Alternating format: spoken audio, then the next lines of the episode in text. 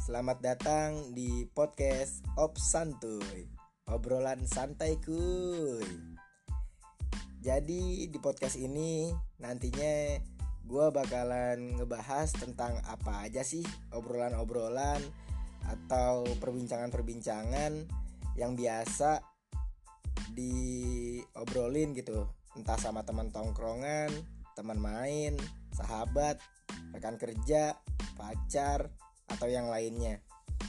Ya pembahasannya nggak jauh seputar obrolan-obrolan santai sehari-hari sih yang pada umumnya gitu.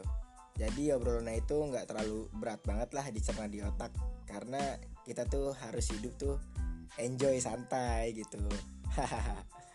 Oke, paling penasaran apa aja yang bakalan gue bahas? Terus cek podcast Op Santu ya. Thank you.